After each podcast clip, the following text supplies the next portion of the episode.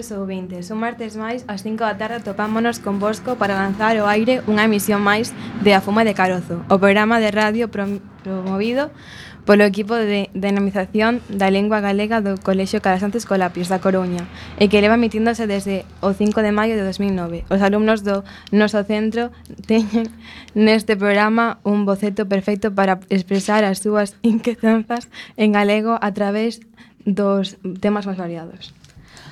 Hoxe atopámonos aquí para falarvos dun tema do que se fala moi pouco, pero que esperamos e desexamos que sexa máis habitual nos vindeiros tempos. Falaremos sobre a ciencia en Galicia. Sí, existe, aínda que algúns pensedes que non. Está claro que non somos unha potencia científica como outros países, pero iso pasa a case todas as nacións, xa que a produción científica está dende hai bastante tempo concentrada nuns poucos países e centros de investigación, como as universidades e grandes empresas. Pero ao longo da nosa historia xa tivemos persoeiros de certo peso que fixeron as súas achegas científicas nos máis diversos campos, como hoxe comprobaderes. Os seus nomes non son moi coñecidos, pero tamén é certo que moitas rúas das nosas cidades levan os nomes de algún deles, para honrar a súa figura ante o descoñecemento case xeral da poboación humana.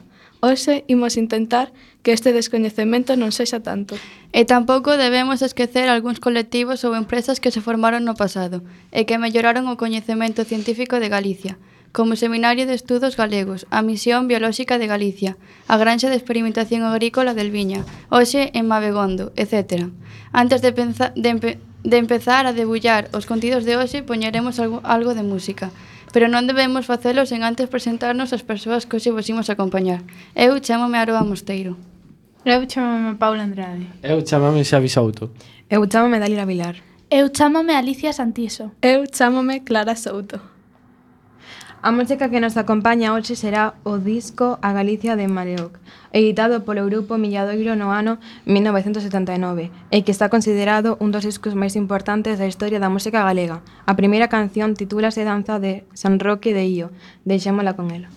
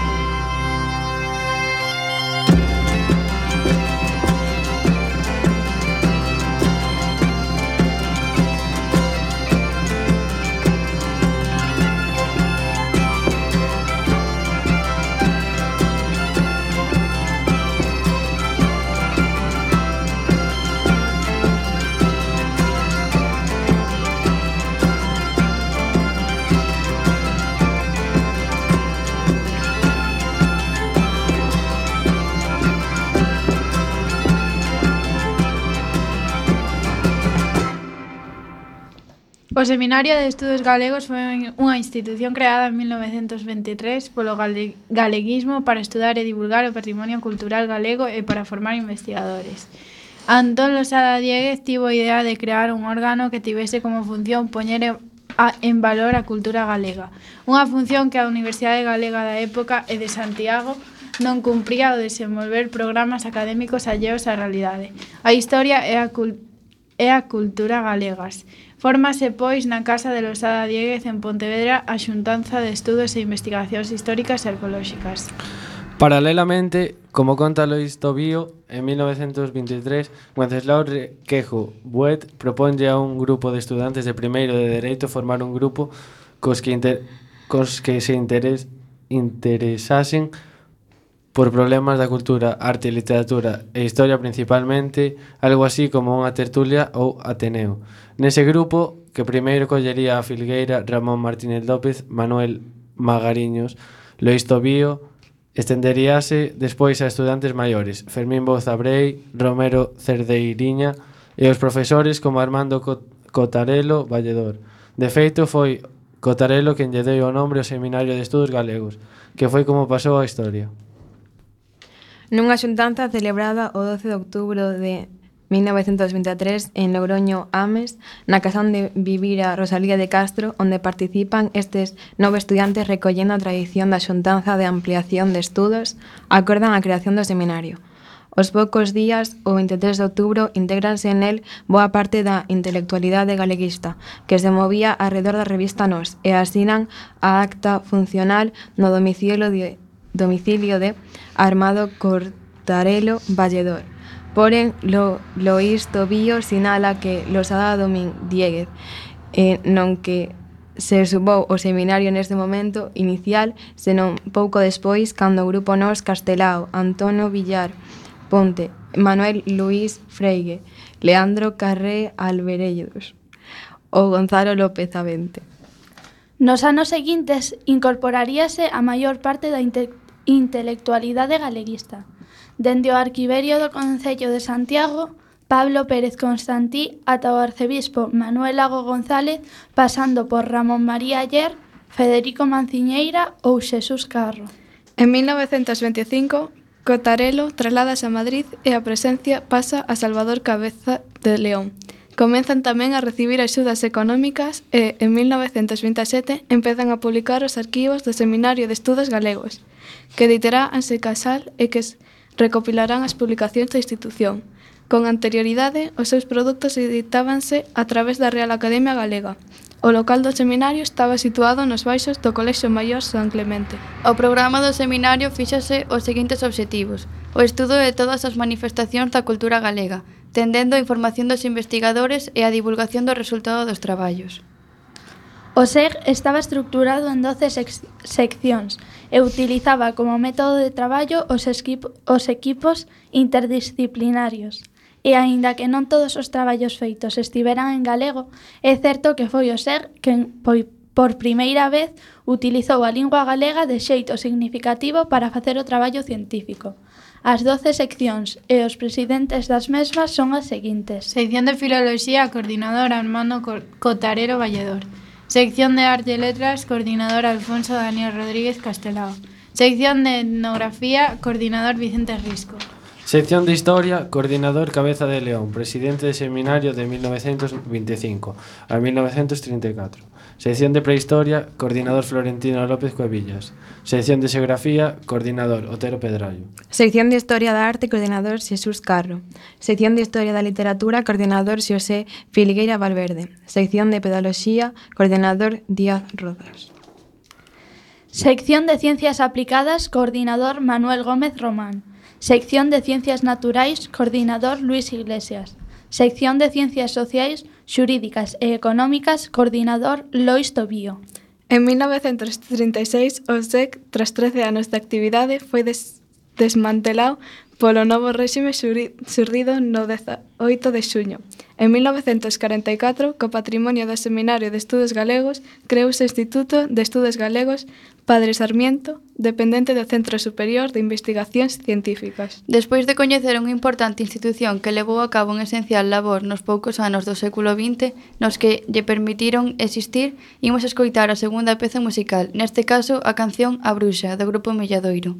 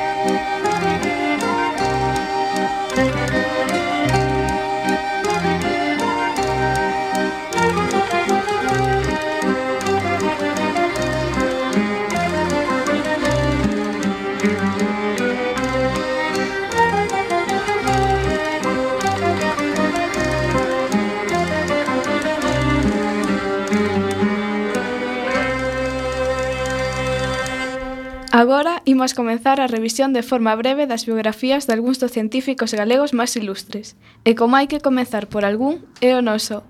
É un colexo de titularidade relixiosa, se cadra non era mala idea comenzar falando do insigne Ramón María Ayer.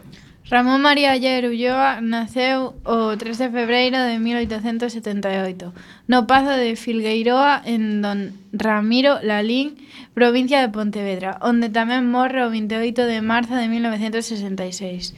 Os 88 anos de idade. Foi un sacerdote católico, matemático e astrónomo galego. Foi catedrático da Universidade de Santiago de Compostela. Realizou varios estudos e observacións astronómicas relevantes desenvolvendo instrumentos que foron adaptados por outros centros, co centros como o Observatorio de París. Era políglota e chegou a dominar 10 idiomas. Comezou a estudar cos jesuítas na Guarda e continuou os estudos no Seminario de Lugo. Con 20 anos obtivo un doutoramento en Teoloxía. Foi ordenado sacerdote con dispensa de dous anos. En 1899 comeza, por libre, na Universidade de Oviedo, os estudos de Ciencias Exactas que seguirían na Universidade de Madrid, alcanzando a licenciatura en 1904, con 26 anos. En 1912 se doutora co, con premio extraordinario e, neste mesmo ano, construe en Lalín o primeiro observatorio astronómico de Galicia. Comezou a súa afección á observación astronómica cunha anteollo de 75 mm de apertura, que lle regalou a súa boa Camila Ulloa cando era seminarista. A este primeiro instrumento engadiu o tedolodito, que lle regalaron. Estes foron os primeiros instrumentos que montou no observatorio que instalou na galería da súa casa. Con eles e algún outro instrumento auxiliar como un cronómetro de mariña realizaba as primeiras observacións sistemáticas do cosmo que chegaron a ser recollidas no anuario do Observatorio de Madrid. Logo realizou unha serie de observacións xunto cos estudos teóricos que foron publicadas na revista da Sociedade Astronómica de España e América. En 1918 edita o libro de Matemáticas Algoritmia, que é patrocinado polo seu tío Saturnino Ayer. Ao morrer este, Ramón queda cos seus bens en usufructo e decide aumentar o instrumental de observación adquirindo un refractor de 120 mm e de 1800 mm de distancia focal.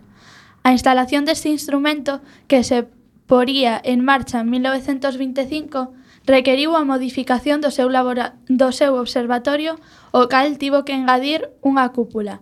Para a posta en marcha do reflector, realiza un minucioso programa a seguir. Este programa está publicado no arquivo do Seminario de Estudos Galegos de 1932, baixo o título Programa do Observatorio de Lalín. O programa tiña no seu primeiro punto a observación das estrelas dobres. Os resultados destas observacións publicáronse na revista alemá Astrominich Marincens, a principal revista de astronomía de Europa, estes estudos foron pioneiros en España e crearon unha importante escola na Universidade de Santiago. Desde 1930 que publica os seus primeiros traballos na revista Astronomisch Naritensch até 1939. Edita máis de 40 traballos en diferentes medios, tanto nacionais como estranxeiros, completando, ademais, un interesante tratado de astronomía que viña escribindo desde a súa mocidade. Completaba estes traballos de observación relevantes e extraordinarios se se teñen en conta os escasos medios, coa confección de planos, a docencia e mesmo a biografía de Xosé Rodríguez González, o matemático de Bermés, outro importante científico galego nacido en Lalín. En 1939 encárgase de explicar a xeometría analítica e, ana e análise matemática na Universidade de Santiago de Compostela. En 1943 constrúese un observatorio na Universidade de Santiago onde trasladan os instrumentos de Lalín e en 1944 crease a Catedral de Astronomía para el. O observatorio leva agora o seu nome na súa honra. O 30 de xuño de 1943 presenta unha tese doutoral na Universidade de Madrid co tema Algúnas experiencias que convén realizar nas observacións de pasos por verticais. Es e ese mesmo ano é nomeado director do Observatorio Astronómico e edita Introdución á Astronomía, obra que viña preparando desde a súa mocidade. Se ampliou o observatorio cun, cun telescopio de pasos que achega ao Consello Superior de Investigacións Científicas. En 1945 crea a sección de Astronomía Teórica e Matemáticas Durán Loriga, xerme do que logo sería a Facultade de Matemáticas. Durante os anos 40 e 50, O observatorio atopase en, ple, en pleno rendemento publicándose eses traballos en publicacións do Observatorio de Santiago. Nese tempo e tamén cando se crea a Cátedra de Astronomía que dirixe ayer e até 1949, ano no que é nomeado Catedrático Extraordinario de Astronomía. En 1948 é nomeado membro da Comisión 26 da Unión Astronómica Internacional de Zúrich e publica o libro Astronomía Primeira Ollada. O ano seguinte, en, en 1949, é nomeado membro da Comisión Nacional de Astronomía. Entre 1960 e 1963, dirixe tres teses doutorais. Cae enfermo en 1964 e trasladase ao seu povo natal, onde morre o 28, 28 de marzo de 1966, aos 78 anos de idade. A súa obra ocupa máis de 78 artigos publicados en diferentes medios, catro libros, cinco teses doutorais dirixidas por el, catro estrelas descubertas en numerosos planos e deseños de instrumentos de observación e medición, así como outros moitos materiais de diferentes temas. Ramón María Ayer foi membro da Academia das Ciencias Exactas de Madrid, de Comisión de Astronomía e de outras institucións mundiais. Inventou aparellos de medición e observación, Algúns dos cales foron adoptados polo Observatorio de París. Foi nomeado catedrático e director vitalicio do Observatorio de Santiago, coéngeno honorario e fillo adoptivo da cidade de Santiago de Compostela. O, o inglés Wilkins puxo o nome de Ayer a súa cráter da Lúa, e non hai que esquecer que unha pequena rúa coruñesa leva o seu nome. Unha une a rúa Agra do Orzán e a Praza do Comercio, no populoso barrio de Agra. Esperamos que a partir de hoxe xa sintades máis interese pola súa figura e sexades conscientes de que en Galicia tamén houbo grandes astrónomos, aínda que non sexan moi célebres entre a cidadanía. Imos a escoitar a terceira peza musical, neste caso a canción Si Big Simor, John Ryan's Polka, do grupo Milladoiro.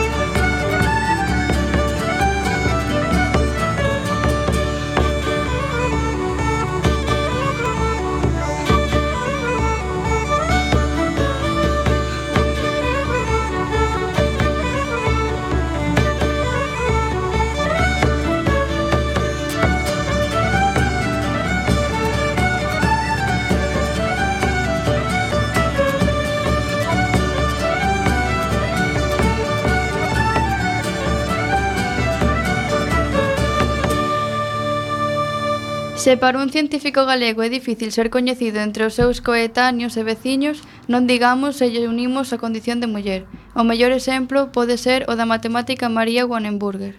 A primeira bolseira Fulbright de matemáticas española naceu en Montrove, Oleiros a Coruña en 1927. María Josefa Wannenburger Plan Planels foi seleccionada polo goberno dos Estados Unidos en 1953 para facer a tese na, na Universidade de Yale xunto a Nathan Jacobson, un dos alxebristas máis sobranceiros do século XX. Dende entón, a súa carreira transcorreu en Norteamérica, só cun lapso de tres anos en España, onde, a pesar do seu talento, nada tiña asegurado. Wernenburger é experta nas álxebras de Clifford, e na teoría dos grupos clásicos e as súas ideas foron empregadas por diversos autores, e tamén mestra de mestres. O seu primeiro doutorado foi o matemático máis reputado de Canadá, Robert Moody, que a, que a converteu na nai da teoría Cac Moody. No 83 regresou a Coruña ao enfermar a súa nai retirouse oficialmente, pero nunca deixou as matemáticas. As matemáticas gustaronlle dende as primeiras contas que a súa nai lle pedía que resolverse para en calquer compra. Pero a súa familia culta e axena a moitos clixés da da época quería que María Xosefa Wonderburger fixe, fixese enxenería para continuar co negocio que creara o seu avó paterno, neto dun alsaciano do século XIX chegar a Santiago. O meu pai tiña unha fundición, aínda que estaba moi preparado, non puidera sacar o título porque quedara orfo con 16 anos. Así que pensaba en min para continuar coa fábrica, Chegamos entón a un acordo. Primeiro, primeiro estudaría matemáticas e despois enseñaría, contaría María. A segunda parte nunca se cumpriu. Pouco despois de licenciarse, o seu, padre, o seu pai morreu e para daquela se destacara como alumna na Facultade de Matemáticas da Universidade Central, Central de Madrid, ata onde se desplazara porque en Santiago aínda non existía a carreira. En Madrid, aquela rapaciña destacou de contado. Asistía a clases en tomar apuntamentos e só os confeccionaba de volta na residencia das, de señoritas da Rúa Fortuny, na que se hospedaba.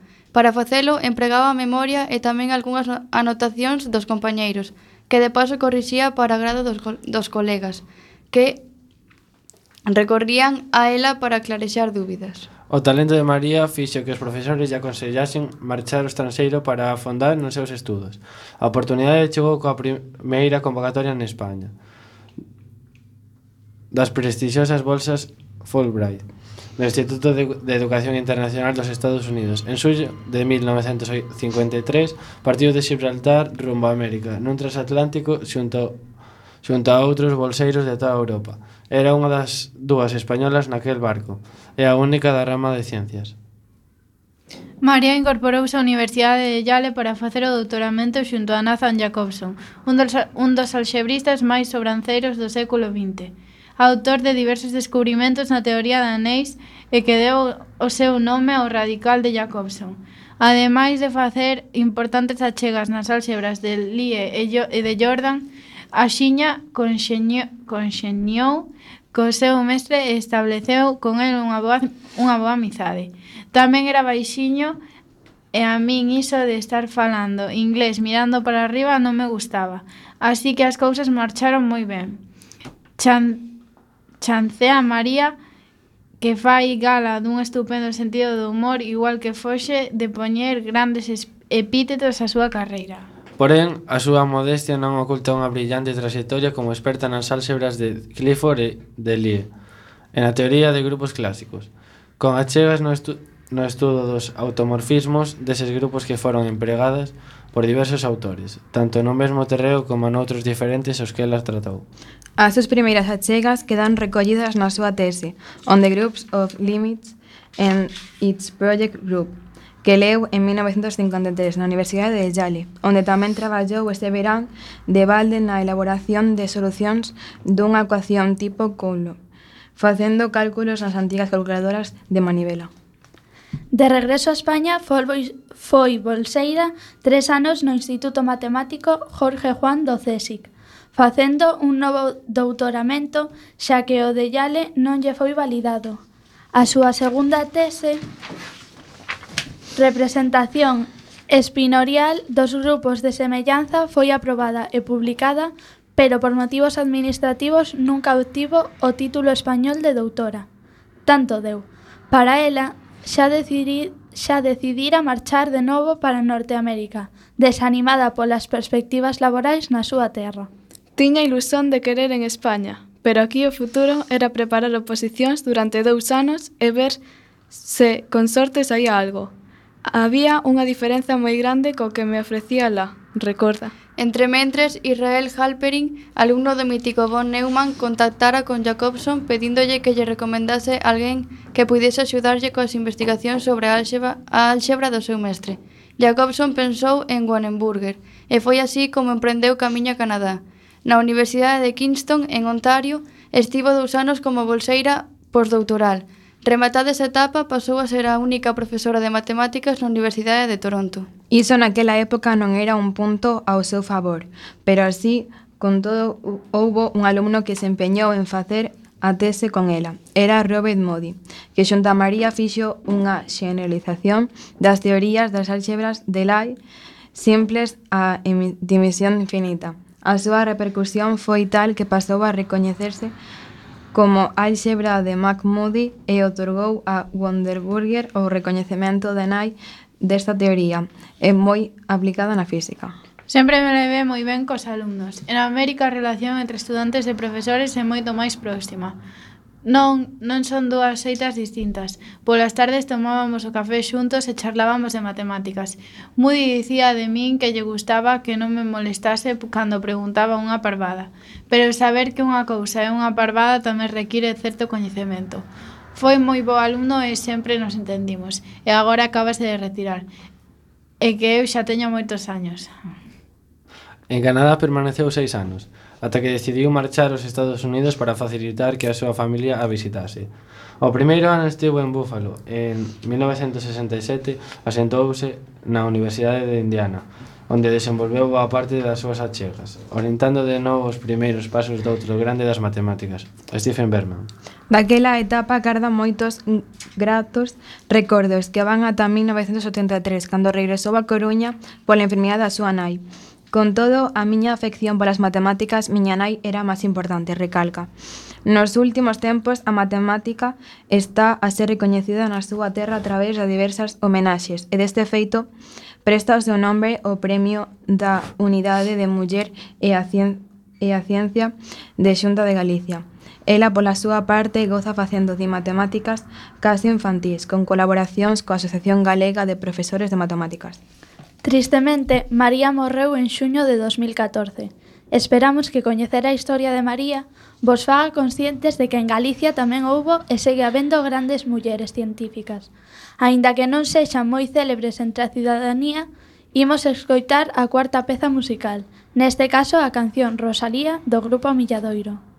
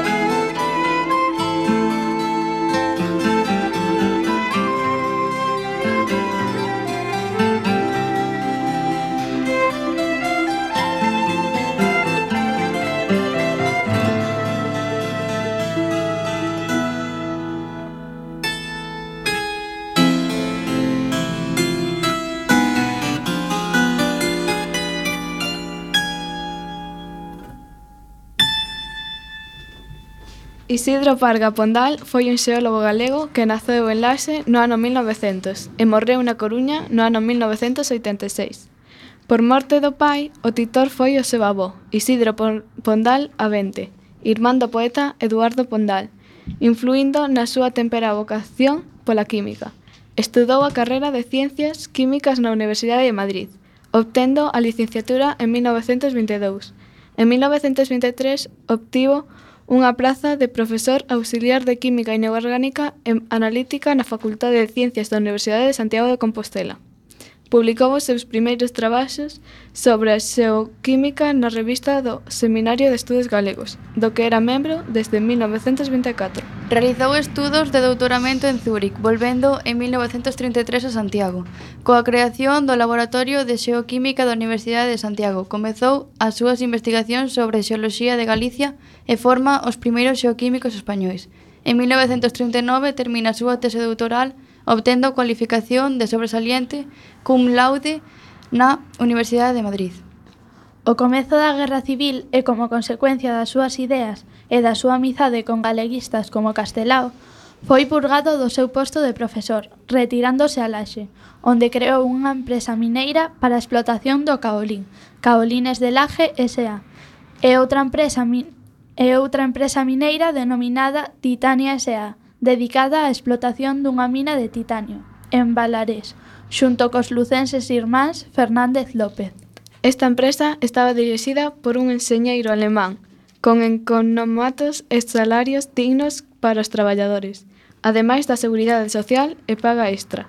Co diñeiro tivo destes, destas e doutras empresas, Isidro Parga Pondal e o seu irmán Fernández López trataron de fomentar de forma xenerosa a recuperación da cultura galega. En 1940 creou un moi importante laboratorio xeolóxico de Laxe, no que traballaría ata o seu retiro, en 1969. Tras a morte da súa muller e o seu fillo, abandona o laboratorio e cedello a Isaac Díaz Pardo, que traslada o seu ao Castro Sada. Colaborou coa Universidade de Leiden, Países Baixos, coas de Montpellier, eh, estra, Estrasburgo, Francia, Zúrich, Suiza, Münster, Alemania e Lisboa, Portugal.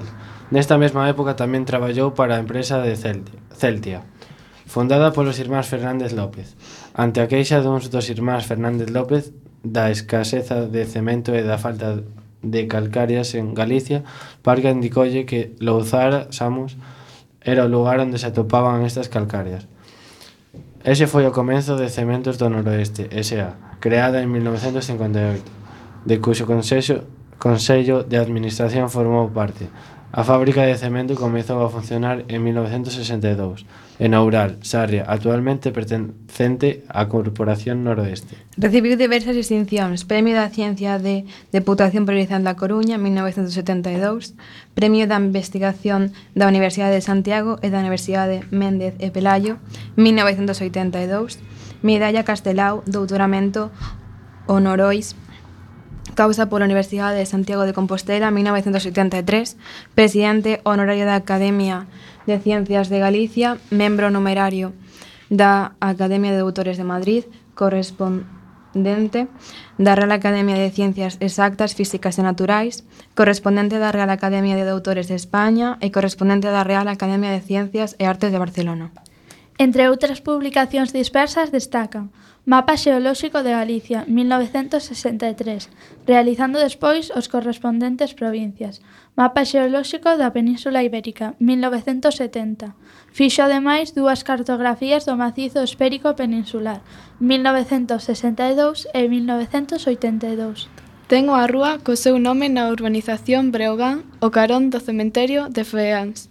E tamén o lembra un importante instituto de Carballo. Por outra banda, hai que lembrar que o Instituto Xeolóxico que el fundou e que leva o seu nome está hoxe nas instalacións de cerámicas O Castro, en Sada. Imos escoitar a quinta peza musical, neste caso a canción Alalá Muñeirina Giga, do grupo Milladoiro.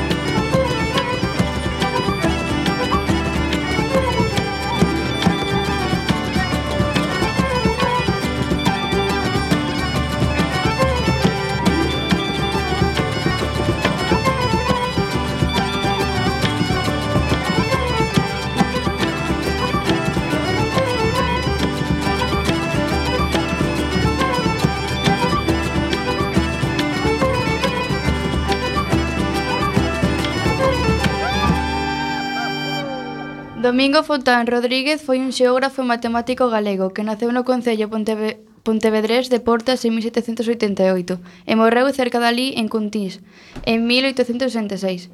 Foi un ilustrado galego, coñecido sobre todo por ser o autor do primeiro mapa topográfico e científico de Galicia, a Carta Xeométrica de Galicia.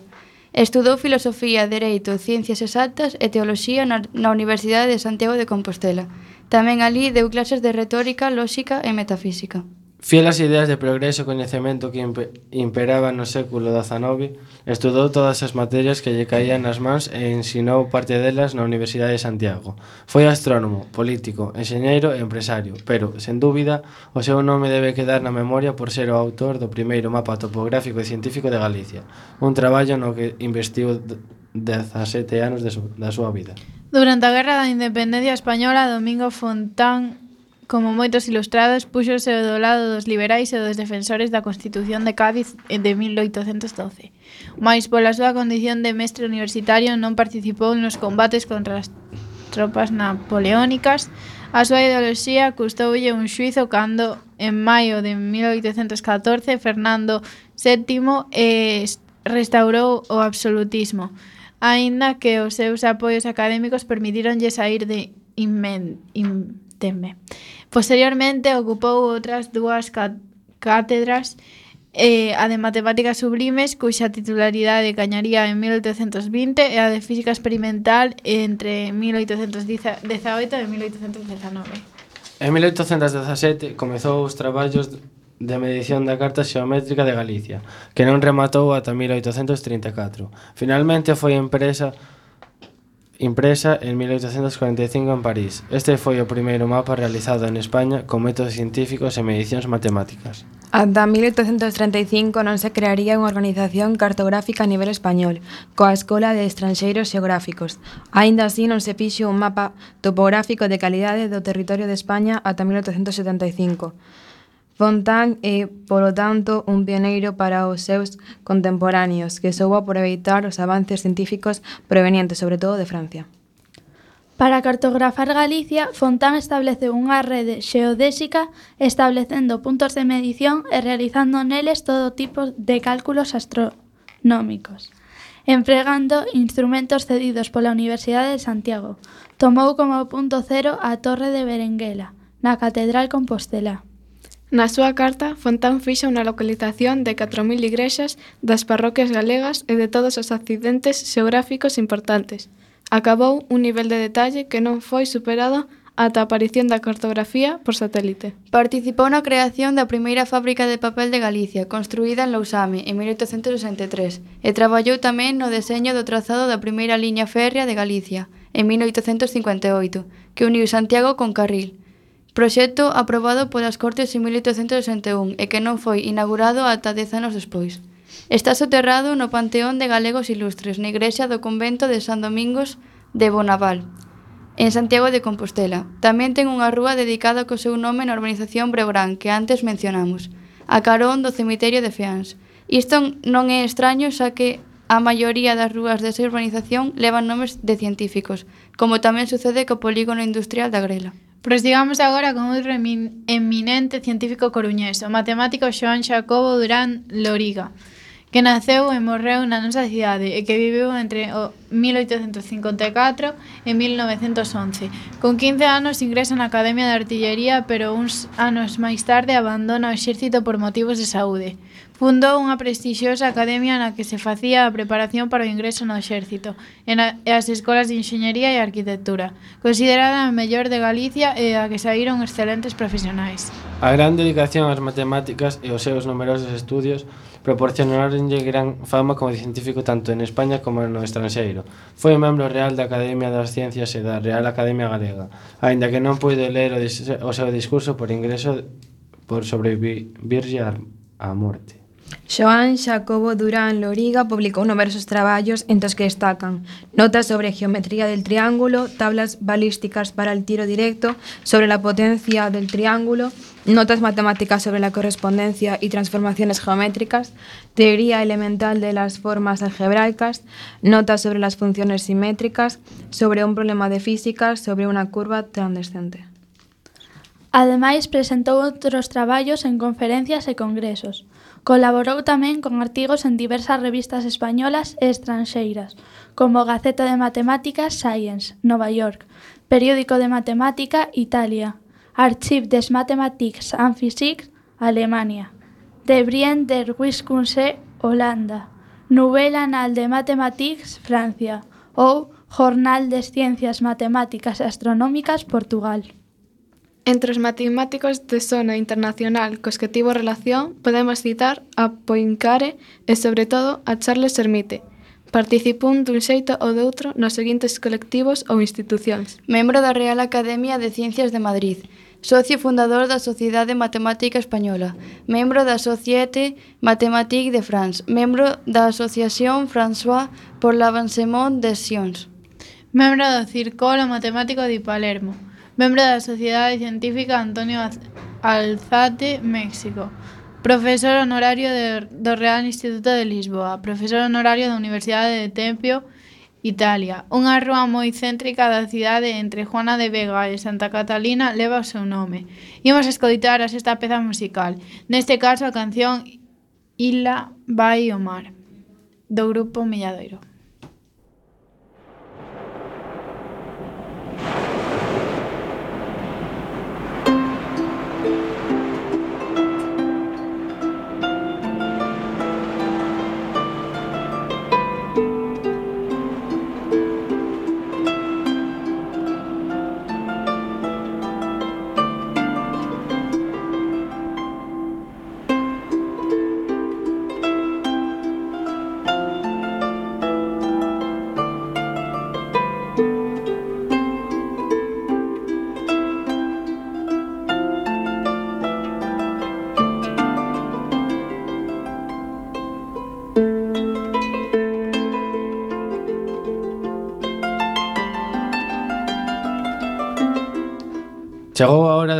programa de hoxe. Lembrade que todos os martes ás 5 da tarde o equipo de dinamización da lingua galega do Colexo Carasán Escolapios da Coruña emite este programa A Fume de Carocio, realizado por alumnos do noso, do noso centro.